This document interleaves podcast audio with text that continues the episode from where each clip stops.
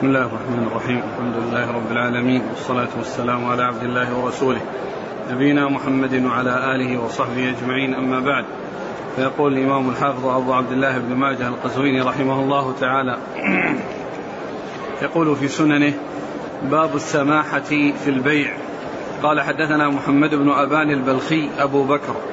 قال حدثنا إسماعيل بن علية عن يونس بن عبيد عن عطاء بن فروخ أنه قال قال عثمان بن عفان رضي الله عنه قال قال رسول الله صلى الله عليه وسلم أدخل الله الجنة رجلا كان سهلا بائعا ومشتريا. بسم الله الرحمن الرحيم. الحمد لله رب العالمين وصلى الله وسلم وبارك على عبده ورسوله نبينا محمد وعلى آله وأصحابه أجمعين. أما بعد يقول الإمام ماجد رحمه الله باب السماحة في البيع. المقصود من ذلك أن الإنسان البائع والمشتري كل ما يكون سمحا ويكون سهلا لا يكون عنده شدة وإنما يكون عنده سماحة وتخفيف على من يحتاج إلى تخفيف وعدم تعسير وإضرار بأحد في بيعه من أجل أن يحصل المكاسب الدنيوية بل يكون سمحا في في تعامله.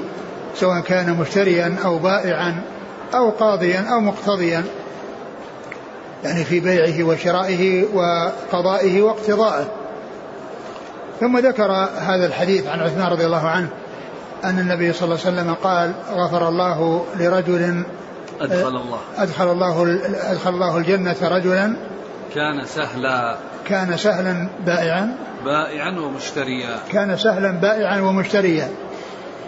يعني من كان كان سهلا في بيعه وشرائه عندما يكون بائعا يكون عنده سهولة وتيسير وعندما يكون مشتريا يكون أيضا ما عنده شدة وعنده شدة مماكسة ويعني الحاح على البائع بأن يخفض وأن لا سيما إذا كان يعرف أن السعر أنه معتدل وأنه ليس فيه زيادة فإن السهولة في البيع والشراء من الأخلاق الكريمة ومن الآداب العظيمة وكان ذلك من أسباب دخول الجنة ومن أسباب المغفرة.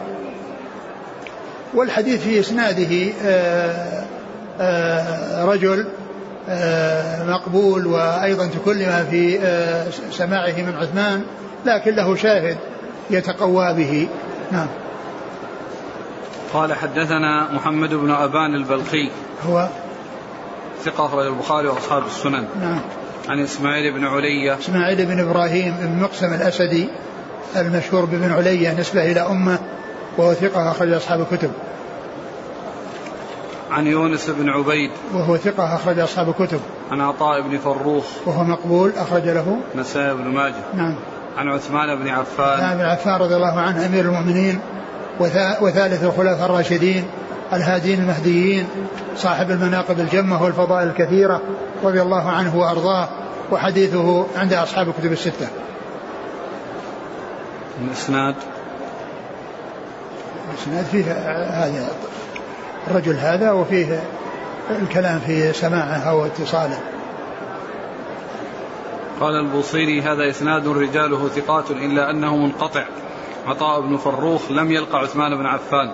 قاله علي بن المديني في العلل. نعم ولكنه هو مقبول ولكن له شاهد. وله شاهد في صحيح البخاري وغيره من حديث جابر بن عبد الله. رواه الترمذي في الجامع من حديث أبي هريرة. أدخل الله. يقول السائل دعاء أم خبر؟ الذي يبدو أنه خبر. أنه خبر. أدخل الله رجلا كان كذا وكذا. قال حدثنا عمرو بن عثمان بن سعيد بن كثير بن دينار الحمصي. قال حدثنا أبي قال حدثنا أبو غسان محمد بن مطرف عن محمد بن المنكدر عن جابر بن عبد الله رضي الله عنهما أنه قال قال رسول الله صلى الله عليه وسلم رحم الله عبدا سمحا. رحم الله عبدا سمحا إذا باع سمحا إذا اشترى سمحا إذا اقتضى. ثم ذكر هذا الحديث عن جابر رضي الله عنه أن النبي صلى الله عليه وسلم قال رحم الله عبدا سمحا إذا باع سمحا إذا اشترى سمحا إذا اقتضى. سمحا إذا باع يعني حيث يكون بائعا وإذا اشترى حيث يكون مشتريا واقتضى حيث يكون مستوفيا. الحق من ممن عليه الحق. وكذلك جاء يعني سمحا إذا قضى. يعني أنه آه الذي آه أنه عند قضائه الحق يعطيه بطيب نفس ولا يماطل ولا يتلكى في إعطاء الحق.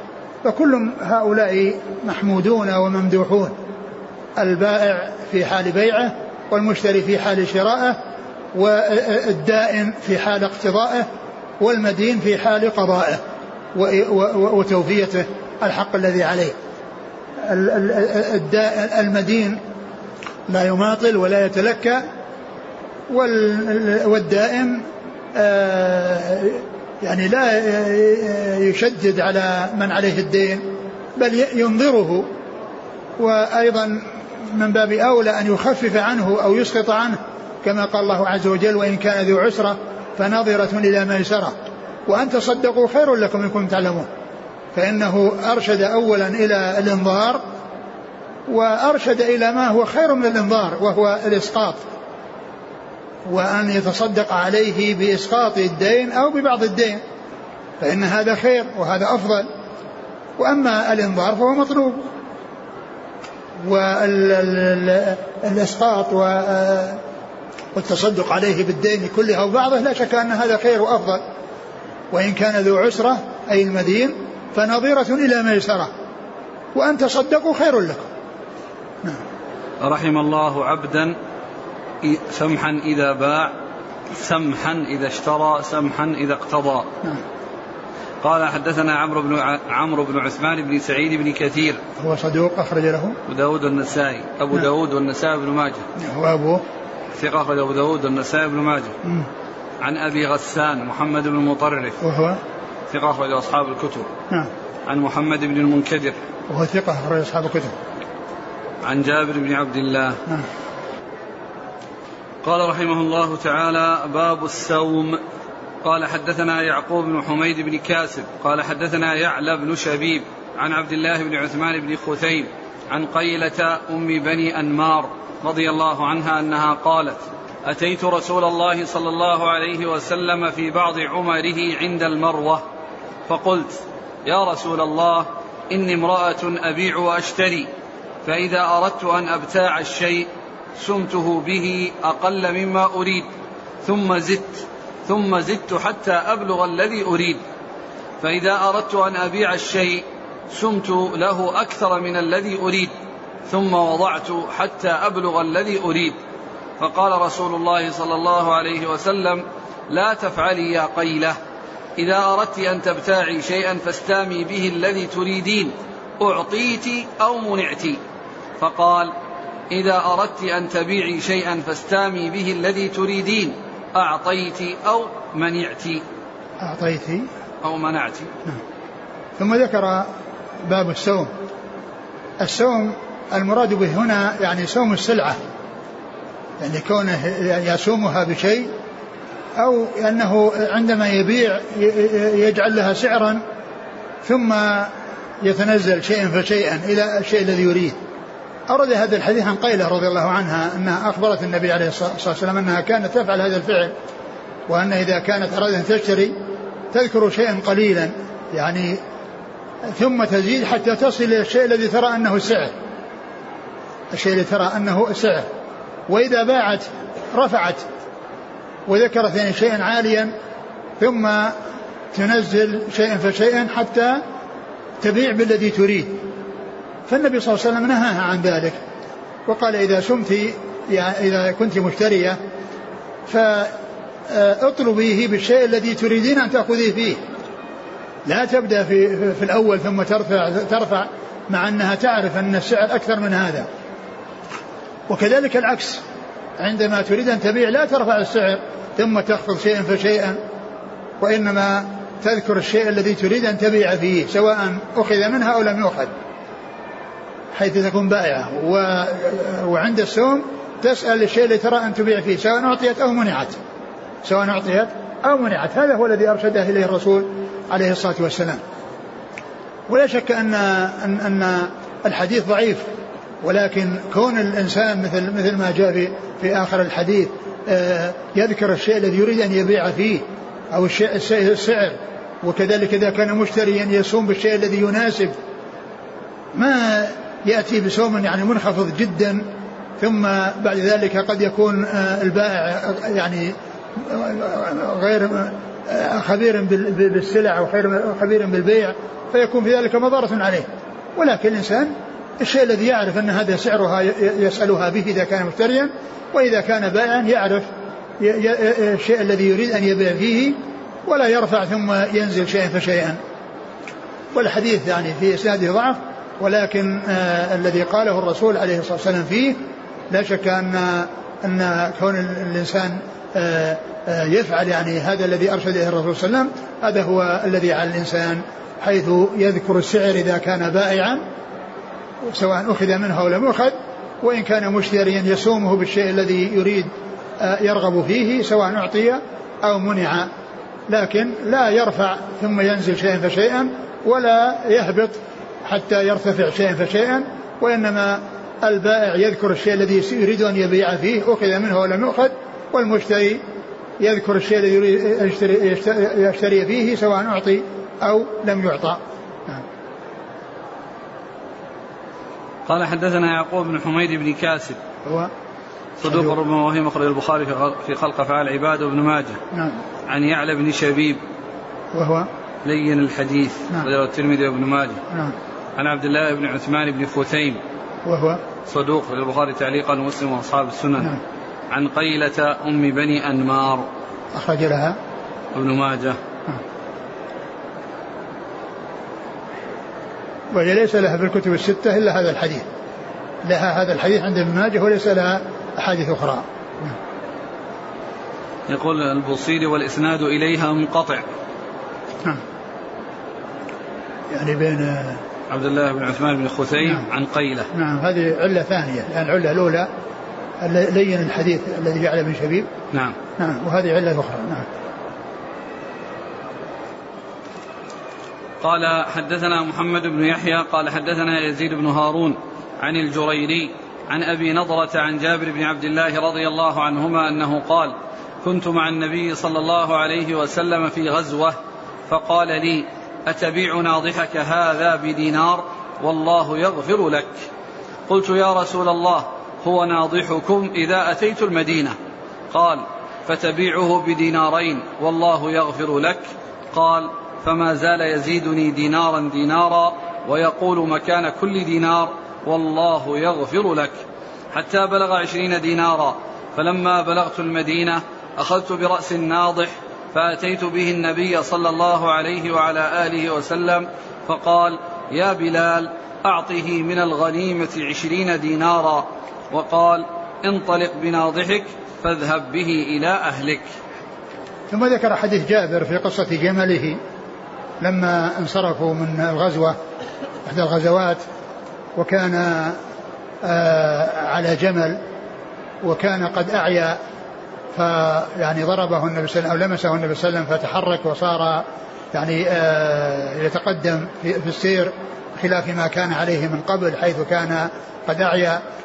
ثم إن النبي صلى الله عليه وسلم سأله أن يبيعه وجاءت الروايات كثيرة في ألفاظ الحديث في الصحيحين وفي غيرهما في قصة سومه وقصة بيعه وقصة آه، آه، ركوبه أو اشتراط ركوب جابر عليه إلى المدينة. والرسول عليه الصلاة والسلام في النهاية أعطاه العشرين درهما وأعطاه البعير.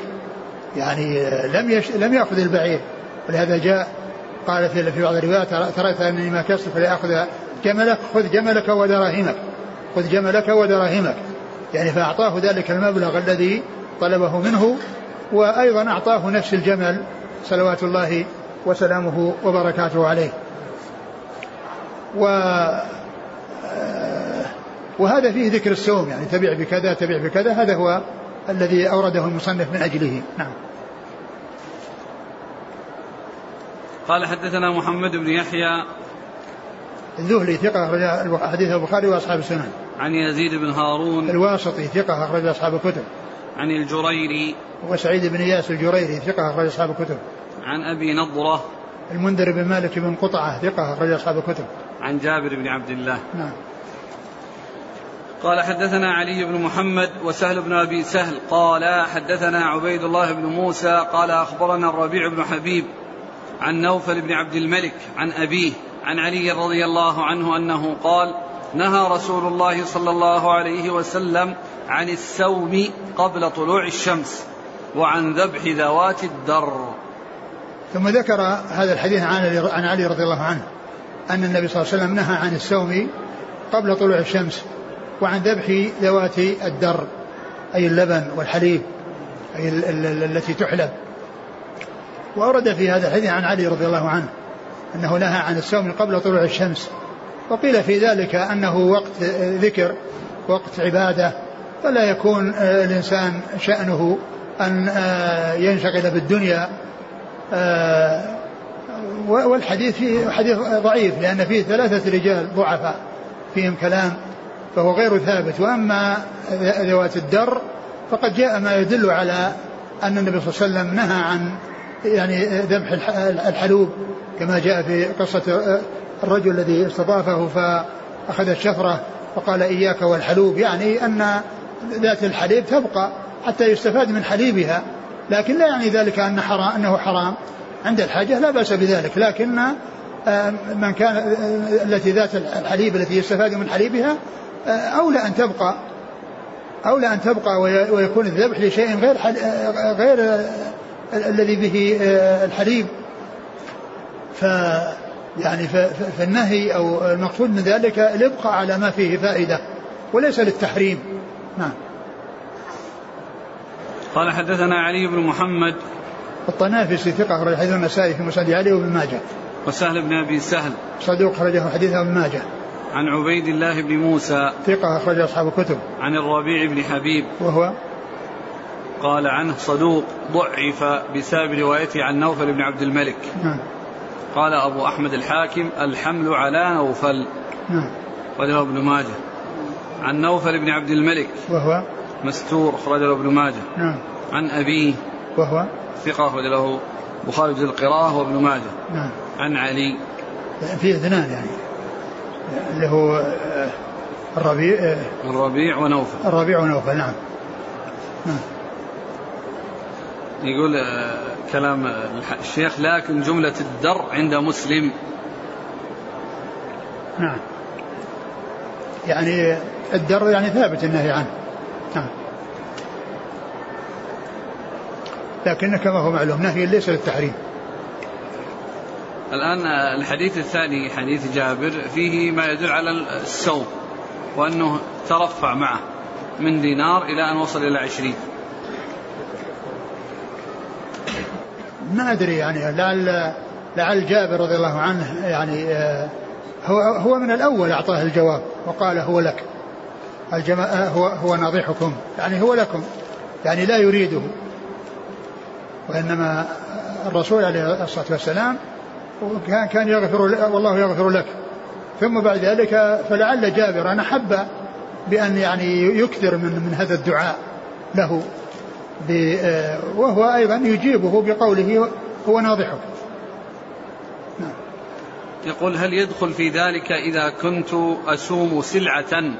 لا أعرف سعرها المستحق المستحق وأخشى أن يكون فيه مغالاة. هذا لا بأس. إذا كان الإنسان لا يعرف السلعة ثم سألها بشيء يعني يعني أقل ثم رفع لا بأس. لكن إذا كان إذا كان يعرف أن السلعة أنها لها قيمة ولكنه أراد أن يحصلها برخص شديد هذا ما ينبغي. يعني يسألها بالشيء الذي يريده أما إذا كان جاهل فله أن يذكر الشيء الذي آه، يعني آه، آه، يطلبها فيه حيث يكون جاهلا. قال رحمه الله تعالى باب ما جاء في كراهية الأيمان في الشراء والبيع.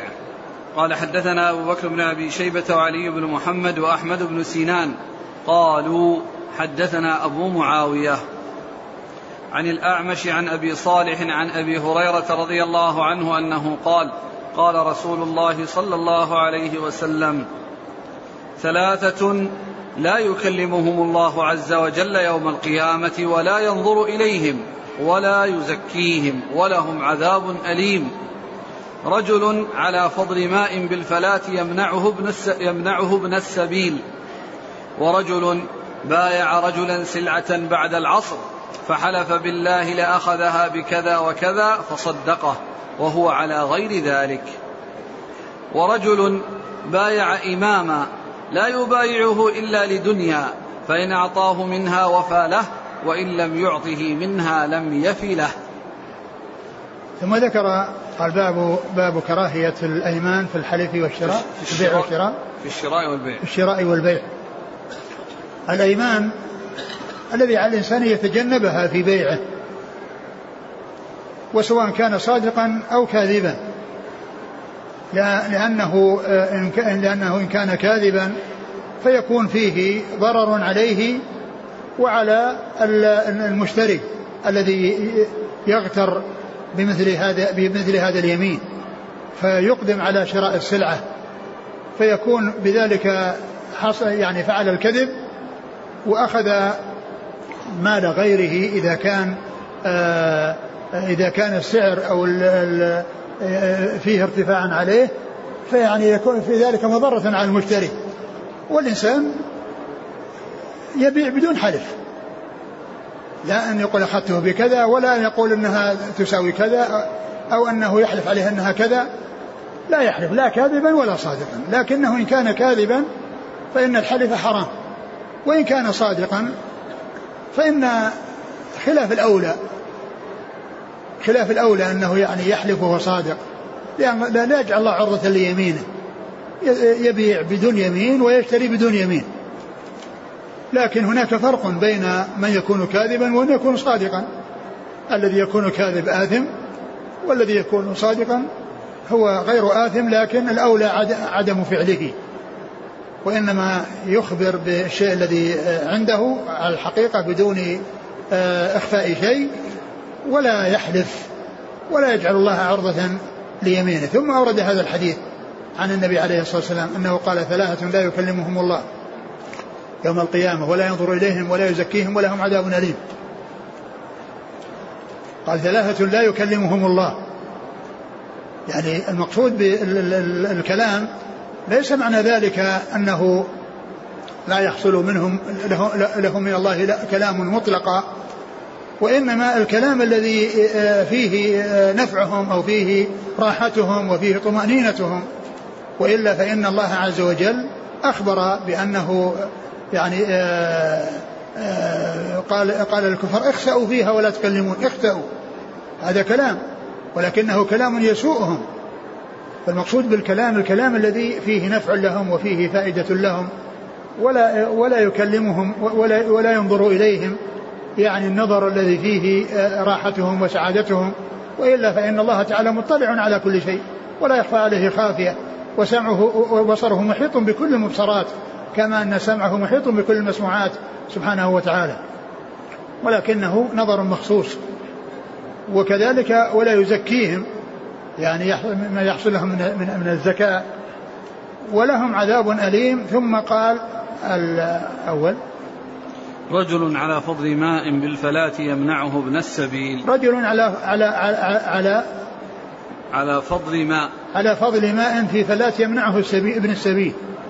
يعني في فلاة وهو عنده ماء ويمنع ابن السبيل المار أن يأخذ ماء يعني لشربه أو لدابته. فإن هذا مذموم. لكنه إذا كان عنده ماء ويعني يسقيه يسقي به زرع ليس ليس لا يلزم أنه إذا جاء أحد بجواره وأراد أنه يعطيه ماء آه، ليسقي به زرعه. فهذا شيء آخر. وإنما المقصود من ذلك الشيء الذي الذي فيه الذي فيه حاجة إليه من من شربه أو شرب دابته. و ورجل بايع رجلا سلعة بعد العصر فحلف بالله لأخذها بكذا وكذا فصدقه وهو على غير ذلك. ثم رجلا بايع رجلا بعد العصر على سلعة وحلف أنه أخذها بكذا وكذا يعني اشتراها. وقد أضاف إليه ربح أو لم يضف إليه ربح. المهم أنه جعل هذا المشتري يعني يتجه إلى الشراء بناء على هذه اليمين.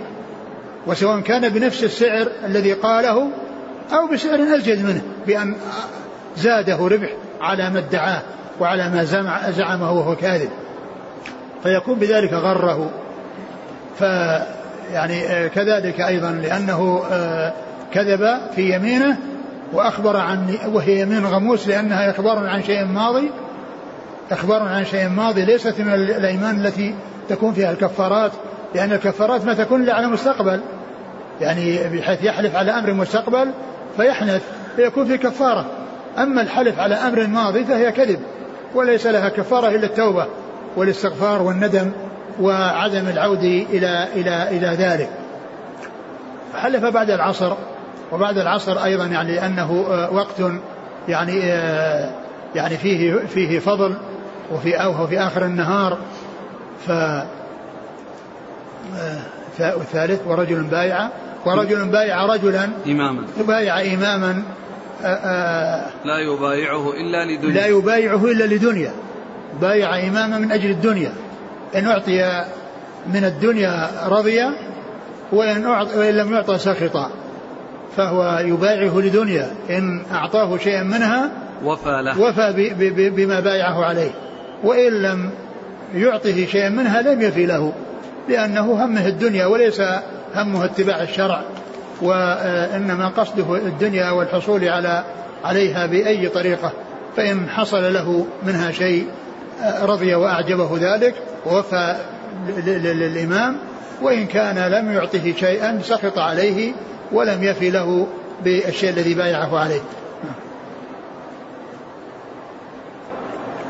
قال حدثنا أبو بكر بن أبي شيبة. ثقة أغلب أصحاب الكتب إلا الترمذي. وعلي بن محمد وأحمد بن سنان. أحمد بن سنان هو؟ ثقة أخرج البخاري ومسلم وداود والنسائي في مسند مالك وابن ماجه. نعم. عن أبي معاوية. محمد بن خازم الضرير الكوفي ثقة أخرج أصحاب الكتب. عن الأعمش. سليمان بن مهران ثقة أخرج أصحاب الكتب. عن أبي صالح. وهو ذكوان السمان ثقة أخرج أصحاب الكتب. عن أبي هريرة. نعم. هذان سؤالان. أولهما يقول ما الحكم في مبايعة الإمام في هذا العصر؟ وليس هناك من يطبق الشريعة إلا القليل. والثاني يقول هل يبايع الحاكم الذي لم يحكم الشريعة؟ الحاكم الذي تولى على الناس يسمع له ويطاع في المعروف. يسمع ويطاع له بالمعروف. ولا يخرج عليه إلا إن كان كافرا. يعني كفره بين واضح ويكون ذلك أيضا مع قدرة من يخرج. أما إذا كان مسلما فإنه آه، لا يجوز الخروج عليه والخروج إنما يكون على من كفره واضح وحيث يكون الخارج أو من يخرج متمكنا لا أن يخرج ثم يباد ويبقى الكافر في مكانه نعم. هل لذكر صلاة العصر شيء يميزها عن غيرها جاء أحاديث تدل على آه، فضل صلاة العصر وتمييزها وأنها وقد جاء أنها هي الصلاة الوسطى وجاء يعني يعني ما يدل على خطورة التخلف عنها.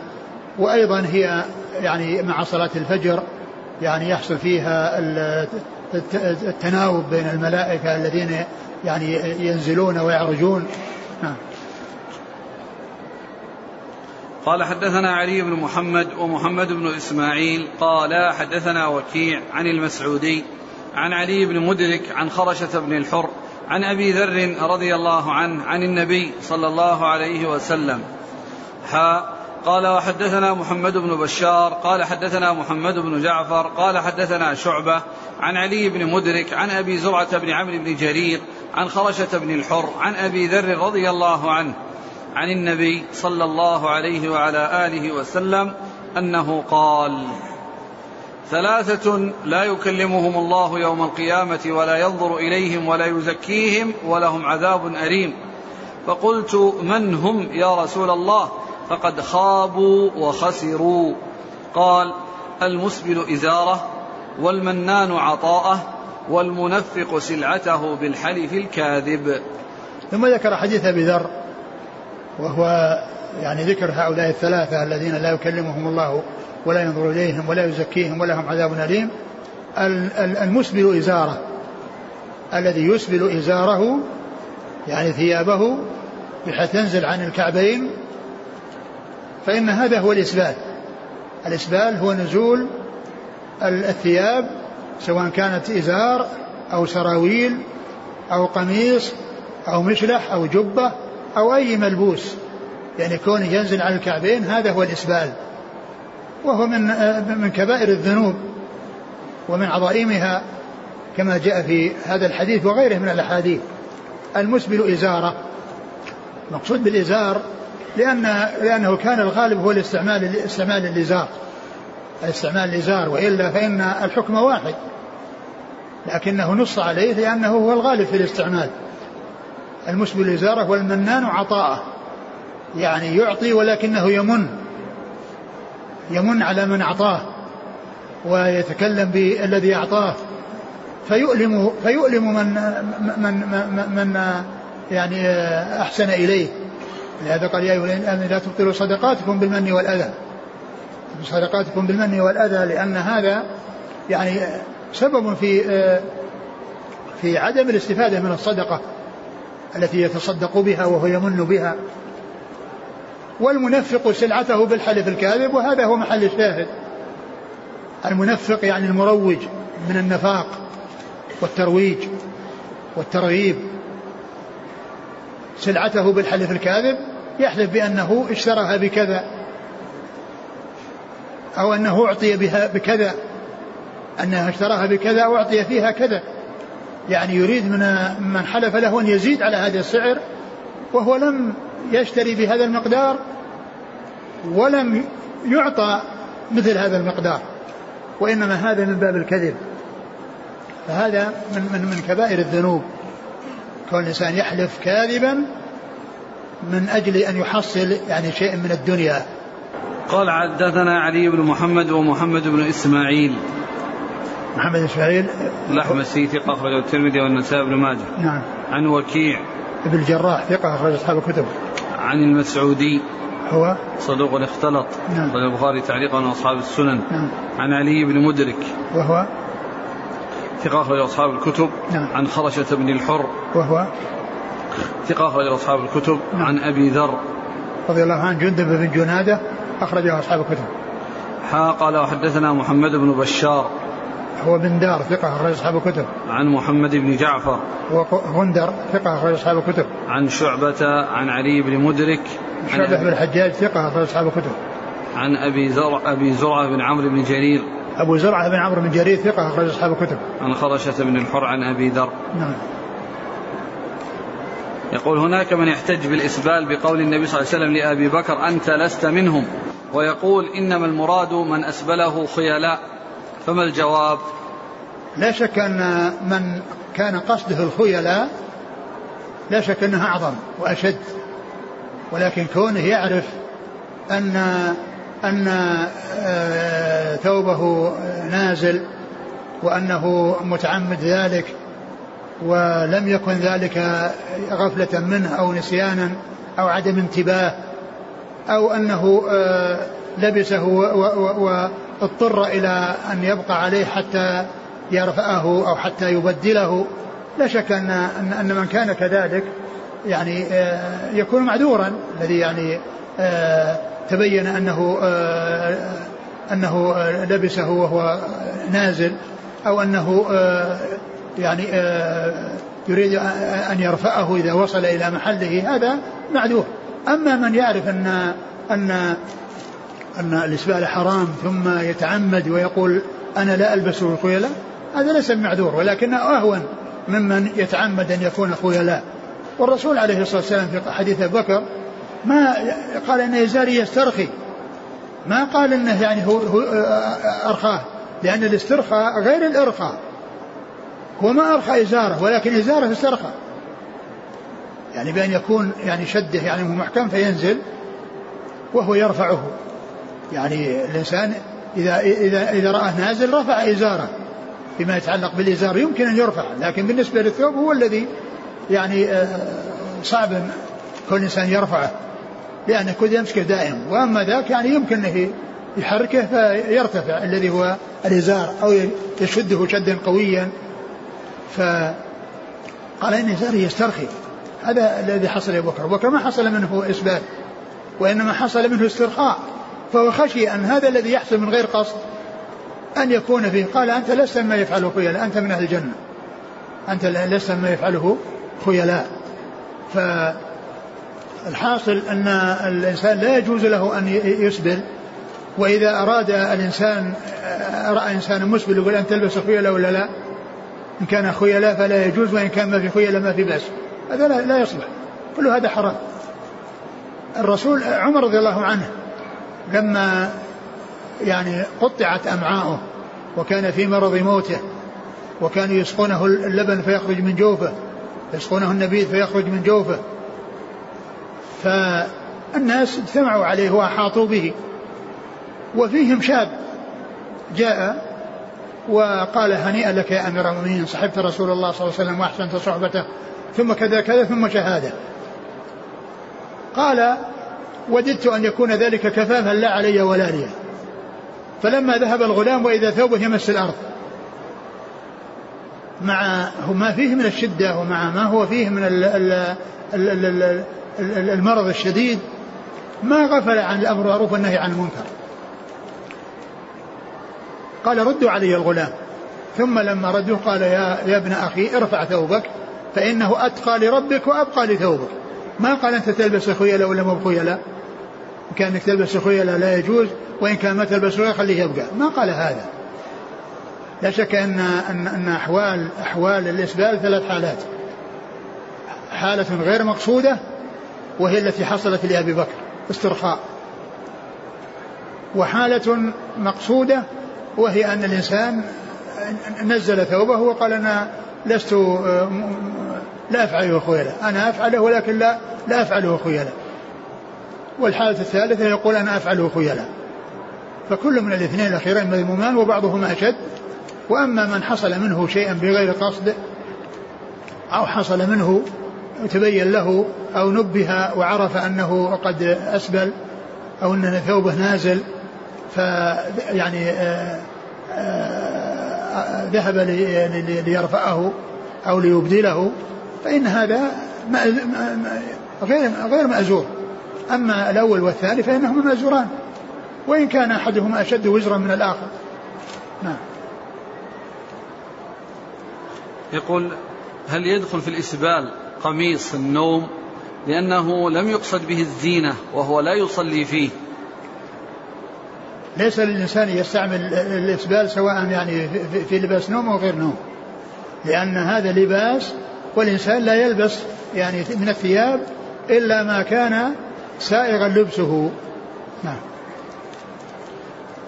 هل المن يعني يريد أن يغطي يغطي رجليه بال بهذا بهذا الإسبال يغطيه باللحاف أقول يغطي رجليه بلحاف نعم. وأما كونه يستعمل الإسبال لا يستعمله لا في نوم ولا في غير نوم.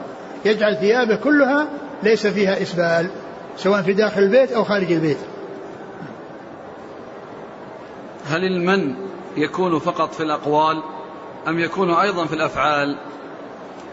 لا يكون في الأفعال يعني بكونه يعني يعني يظهر منه يعني فعل يعني يبين له أنها يعني ممتن عليه يعني بأن يعمل إشارة يعني يعني بدل ما يتكلم يعمل إشارة يعني إذا كان هذا يعني يشير للثوب.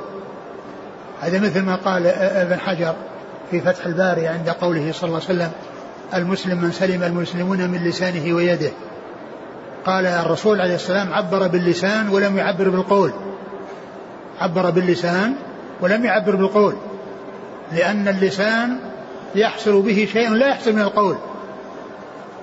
قال بأن يخرج لسانه يستهزي إنسان ما تكلم بلسانه لكن طلع لسانه يستهزي فهذا إيذاء باللسان. هذا إيذاء باللسان. فكذلك المن قد يكون بال بال بال يعني بالقول بالفعل بالإشارة. يعني بأن يكون مثلا أعطاه أعطاه ثوب ولا أعطاه كذا ثم يشير إليه بدون كلام. يشير إليه بدون كلام. هذا هذا من بالفعل.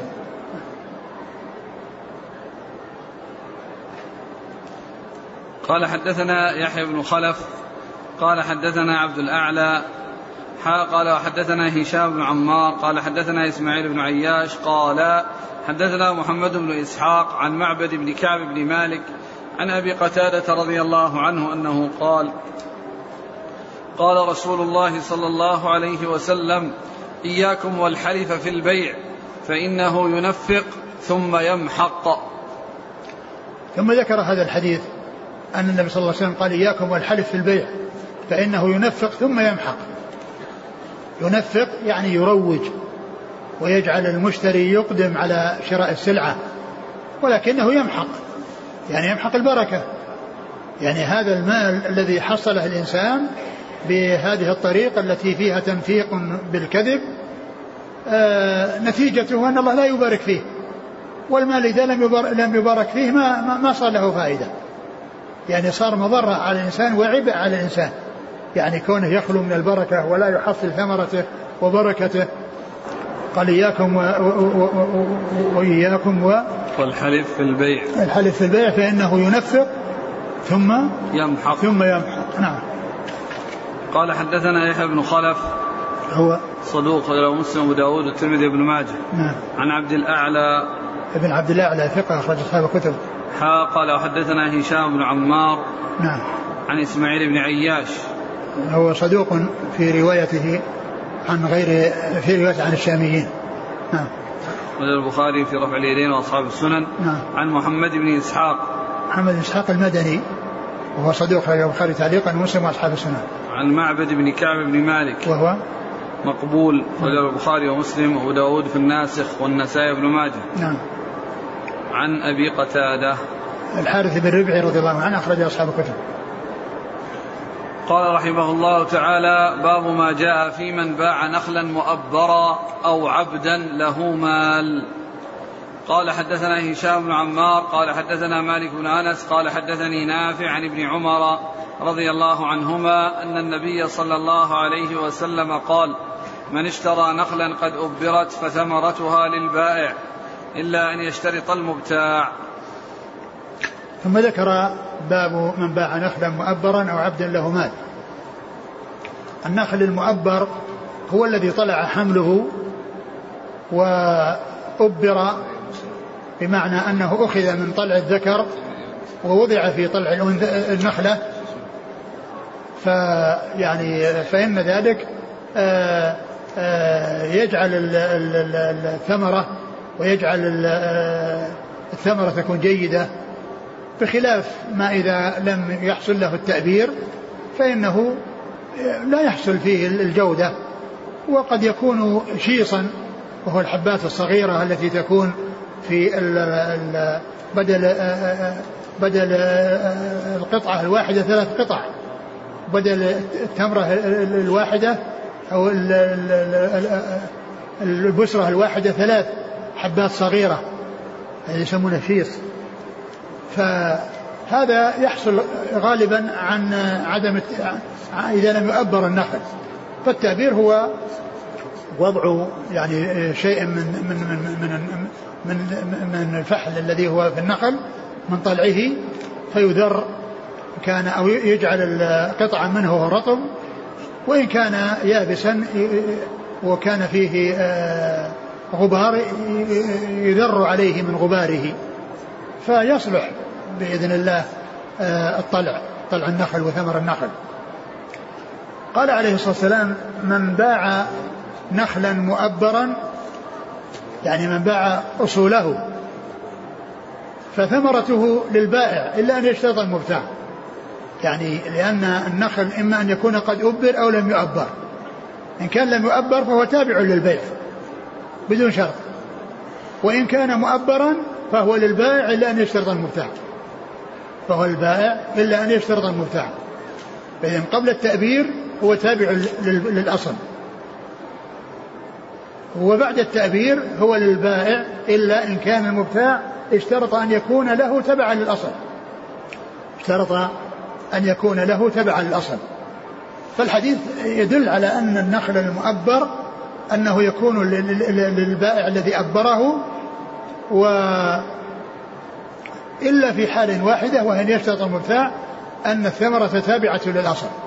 الثمرة تابعة للأصل وإن لم يحصل شرط وحصل الخلاف هذا يقول لي وهذا يقول لي هو الحكم أنه للبائع وكذلك إيش؟ بس فقط هذا. نعم نعم طيب. من اشترى نخلا قد أبرت فثمرتها للبائع إلا أن يشترط المبتاع نعم. قال حدثنا هشام بن عمار عن مالك بن أنس عن نافع عن ابن عمر. نعم. قال حدثنا محمد بن رمح. قال أخبرنا الليث بن سعد عن نافع عن ابن عمر عن النبي صلى الله عليه وسلم بنحوه. نعم. قال حدثنا محمد بن رمح. محمد بن رمح المصري ثقة أخرج مسلم وابن ماجه. عن الليث بن سعد. ثقة أخرج أصحاب الكتب. قال حدثنا محمد بن رمح. قال أخبرنا الليث بن سعد. حا قال وحدثنا هشام بن عمار. قال حدثنا سفيان بن عيينة.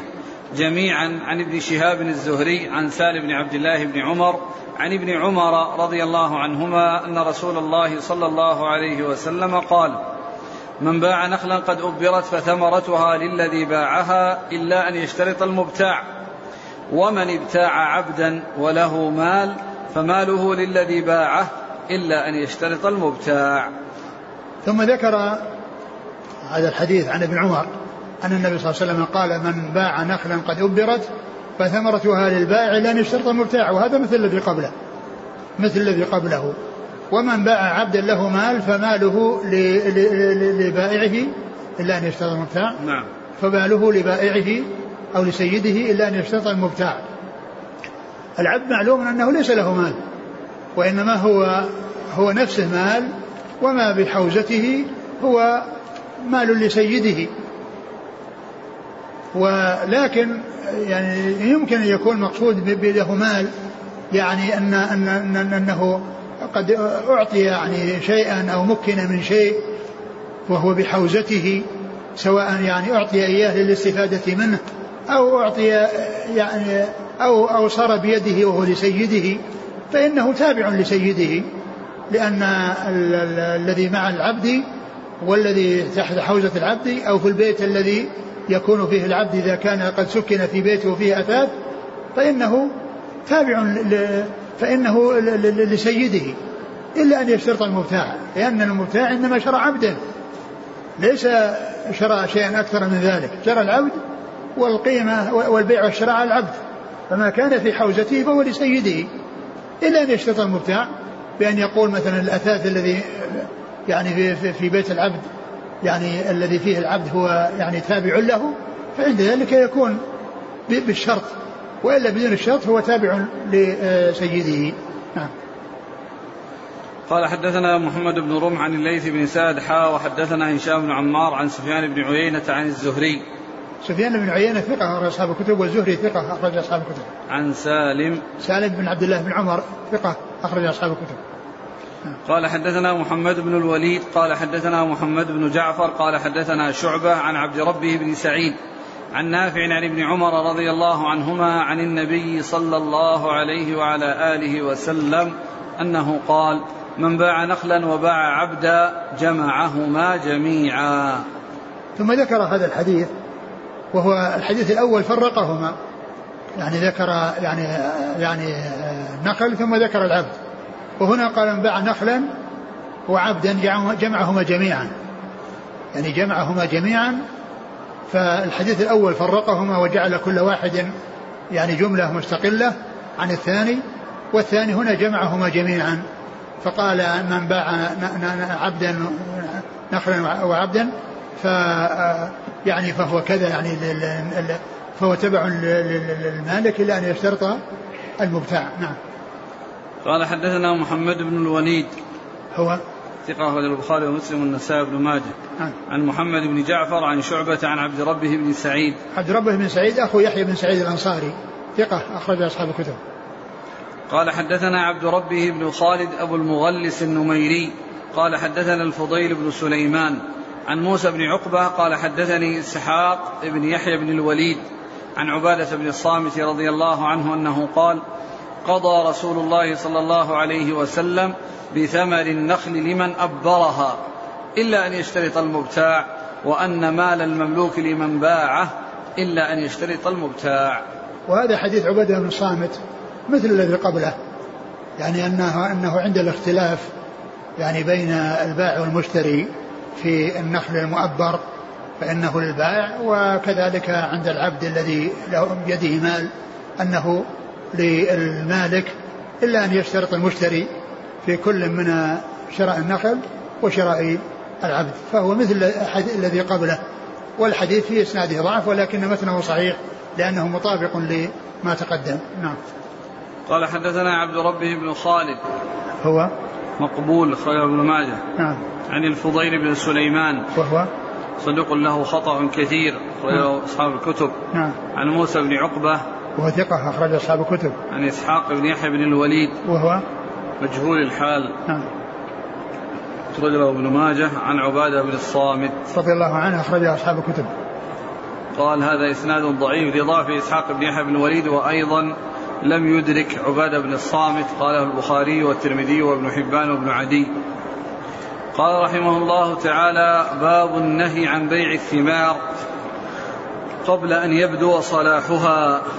قال حدثنا محمد بن رمح قال أنبانا الليث بن سعد عن نافع عن ابن عمر عن رسول الله صلى الله عليه وسلم أنه قال لا تبيع الثمرة حتى يبدو صلاحها نهى البائع والمشتري. ثم قال باب النهي عن بيع الثمار قبل أن يبدو صلاحها. آه، آه، الثمار التي على النخل وهي لم تصلح يعني لم تصل إلى حد أنه يستفاد منها يعني في بأن تصفر وتحمر إن كان المقصود التبقية فإن ذلك لا يجوز كما نهى عن ذلك رسول الله صلى الله عليه وسلم. وأما إن كان المقصود الجذب يعني يجدها ويستفيد منها بهيئتها التي هي عليها يعني بسر أخضر. يعني لم يصل إلى اصفرار ولا احمرار. والناس يأكلون البسر ويستفيدون منه. فإذا كان من أجل القطع فلا بأس به وعليه أن يقطعه. يعني يكون الإنسان يبيع الثمر على رؤوس النخل وهو لم يحمر ولم يصفر وهو أخضر والناس يأكلونه وهو أخضر فيقطعه ليؤكل وهو أخضر هذا لا بأس به. أما إذا كان المقصود أنه سيبقى حتى حتى يعني يزهو حتى يأتي وقت صلاحه فهذا لا يجوز وإنما يترك حتى يبدو الصلاح ويباع الرسول صلى الله عليه وسلم نهى عن بيع الثمار قبل بدو صلاحها وذلك لأنه يترتب على ذلك أنه يحصل آفات يحصل يعني أضرار. فالرسول صلى الله عليه وسلم آه، منع من ذلك إلا عندما يحصل الانتفاع بها بأن آه، تزهو وتنضج ويستفيد الناس منها في آه، لأنها بلغت المبلغ. الذي يستعمله الناس به من ناحية نضجها وزهوها. نعم. لا تبيع الثمرة حتى يبدو صلاحها نهى البائع والمشتري. نعم يعني كل منهما كل منهما منهي. يعني البائع المشتري لا يقدم على الشراء والبائع لا يقدم على البيع.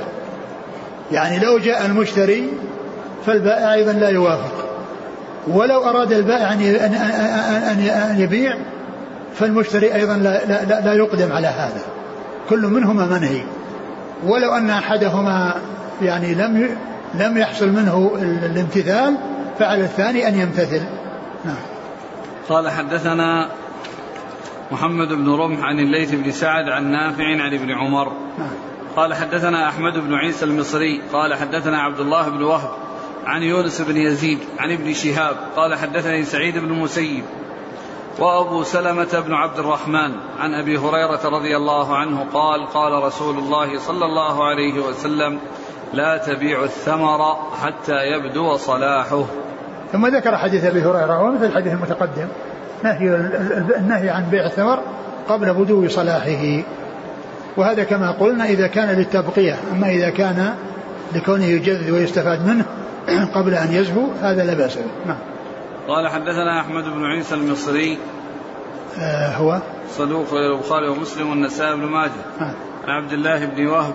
ثقة أخرج أصحاب الكتب. عن يونس بن يزيد. الأيلي ثقة أخرج أصحاب الكتب. عن ابن شهاب عن سعيد بن المسيب. سعيد المسيب ثقة أخرج أصحاب الكتب. وأبي عبد أبي سلمة. ابن عبد الرحمن بن عوف ثقة أخرج أصحاب الكتب. عن أبي هريرة. نعم قال حدثنا هشام بن عمار قال حدثنا سفيان عن ابن جريج عن عطاء عن عن جابر رضي الله عنه أن النبي صلى الله عليه وسلم نهى عن بيع الثمر حتى يبدو صلاحه. ثم ذكر حديث جابر وهو مثل ما تقدم. نعم. قال حدثنا هشام بن عمار عن سفيان عن ابن جريج. سفيان هو بن عيينة ثقة أخرج أصحاب الكتب وابن جريج عبد الملك عبد العزيز بن جريج ثقة أخرج أصحاب الكتب. عن عطاء عطاء بن أبي رباح ثقة أخرج أصحاب الكتب. قال حدثنا محمد بن المثنى قال حدثنا حجاج قال حدثنا حماد عن حميد عن أنس بن مالك رضي الله عنه أن رسول الله صلى الله عليه وسلم نهى عن بيع الثمرة حتى تزهو وعن بيع العنب حتى يسود وعن بيع الحب حتى يشتد. ثم ذكر حديث أنس وهو مثل الذي قبله فيما يتعلق بالثمرة. وفيه ذكر العنب وفيه ذكر الحب. قال يعني وهنا بين يعني فيه بين شيئا من معنى الصلاح الذي يكون في الثمار. وقال نهى رسول الله عن عن بيع الثمرة حتى تزهو. حتى تزهو. هذا هو الذي هو بدو الصلاح يعني تحمر وتصفر كما جاء في بعض الحديث أن الزهو هو احمرارها واصفرارها. وعن عن العنب حتى يسود. يسود يعني يتغير لونه. من كونه أخضر إلى لون آخر يعني يكون يعرف به استواؤه. وعن الحب حتى يشتد يعني آه يعني آه يقوى ويعني آه ويكون يعني وصل آه استواءه وغايته في كونه ليس آه يعني متعرضا للآفات لكونه آه يكون مثل الذي قبل أن يبدو صلاحه. لأنه إذا لم يكن مشتدا فإنه يكون مثل الذي يباع قبل أن يزهو من الثمار. نعم. قال حدثنا محمد بن المثنى عن حجاج. محمد المثنى أبو موسى الزمن العنزي ثقة أخرج أصحاب الكتب وحجاج بن منهال ثقة أخرج أصحاب الكتب عن حماد. وحماد بن سلمة ثقة أخرجه البخاري تعليقا مسلم وأصحاب السنن. عن حميد. حميد بن أبي حميد الطويل ثقة أخرج أصحاب الكتب. عن أنس بن مالك. نعم. الأحاديث الأربعة أربعة أحاديث. في الباب. نعم. الأول. حديث ابن عمر. الصحابي. ابن عمر. والثاني. حديث أبي هريرة. نعم. حديث جابر. حديث نعم. أنس. هؤلاء الأربعة من السابع المكثرين من حديث الرسول صلى الله عليه وسلم. هؤلاء الأربعة الذين جاءوا في هذا الباب هم من الأر... من السبعة الذين عرفوا بكثرة الحديث عن النبي صلى الله عليه وسلم. آه، السبعة المكثرون من حديث الرسول عليه الصلاة والسلام من أصحابه الكرام هم هؤلاء الأربعة الذين جاءوا في هذا الباب وهم ابن عمر وجابر وأبو هريرة وأنس. وأما الثلاثة الباقون فهم ابن عباس وأبو سعيد. ابن عباس وأبو سعيد الخدري وعائشة أم المؤمنين رضي الله تعالى عن الجميع. فهؤلاء سبعة زادت أحاديثهم في الكتب الستة على ألف حديث. مع تفاوتهم بعد ذلك كثرة وقلة. فهؤلاء السبعة هم الذين عرفوا بكثرة الحديث عن النبي صلى الله عليه وسلم. ولهذا نجد أن أنه عند قراءة الأحاديث كثيرا ما يأتي ذكر هؤلاء السبعة. كثيرا ما يأتي ذكر هذه السبعة لكونهم لكون لأنهم مكثرون. لأنهم مكثرون من رواية الأحاديث عن رسول الله صلى الله عليه وسلم. وقد جمعهم السيوطي في قوله في ألفيته والمكثرون في رواية الأثر أبو هريرة يليه بن عمر وأنس والبحر كالخدري وجابر وزوجة النبي. فهؤلاء هم السبعة الذين عرفوا بكثرة الحديث عن رسوله صلى الله عليه وسلم.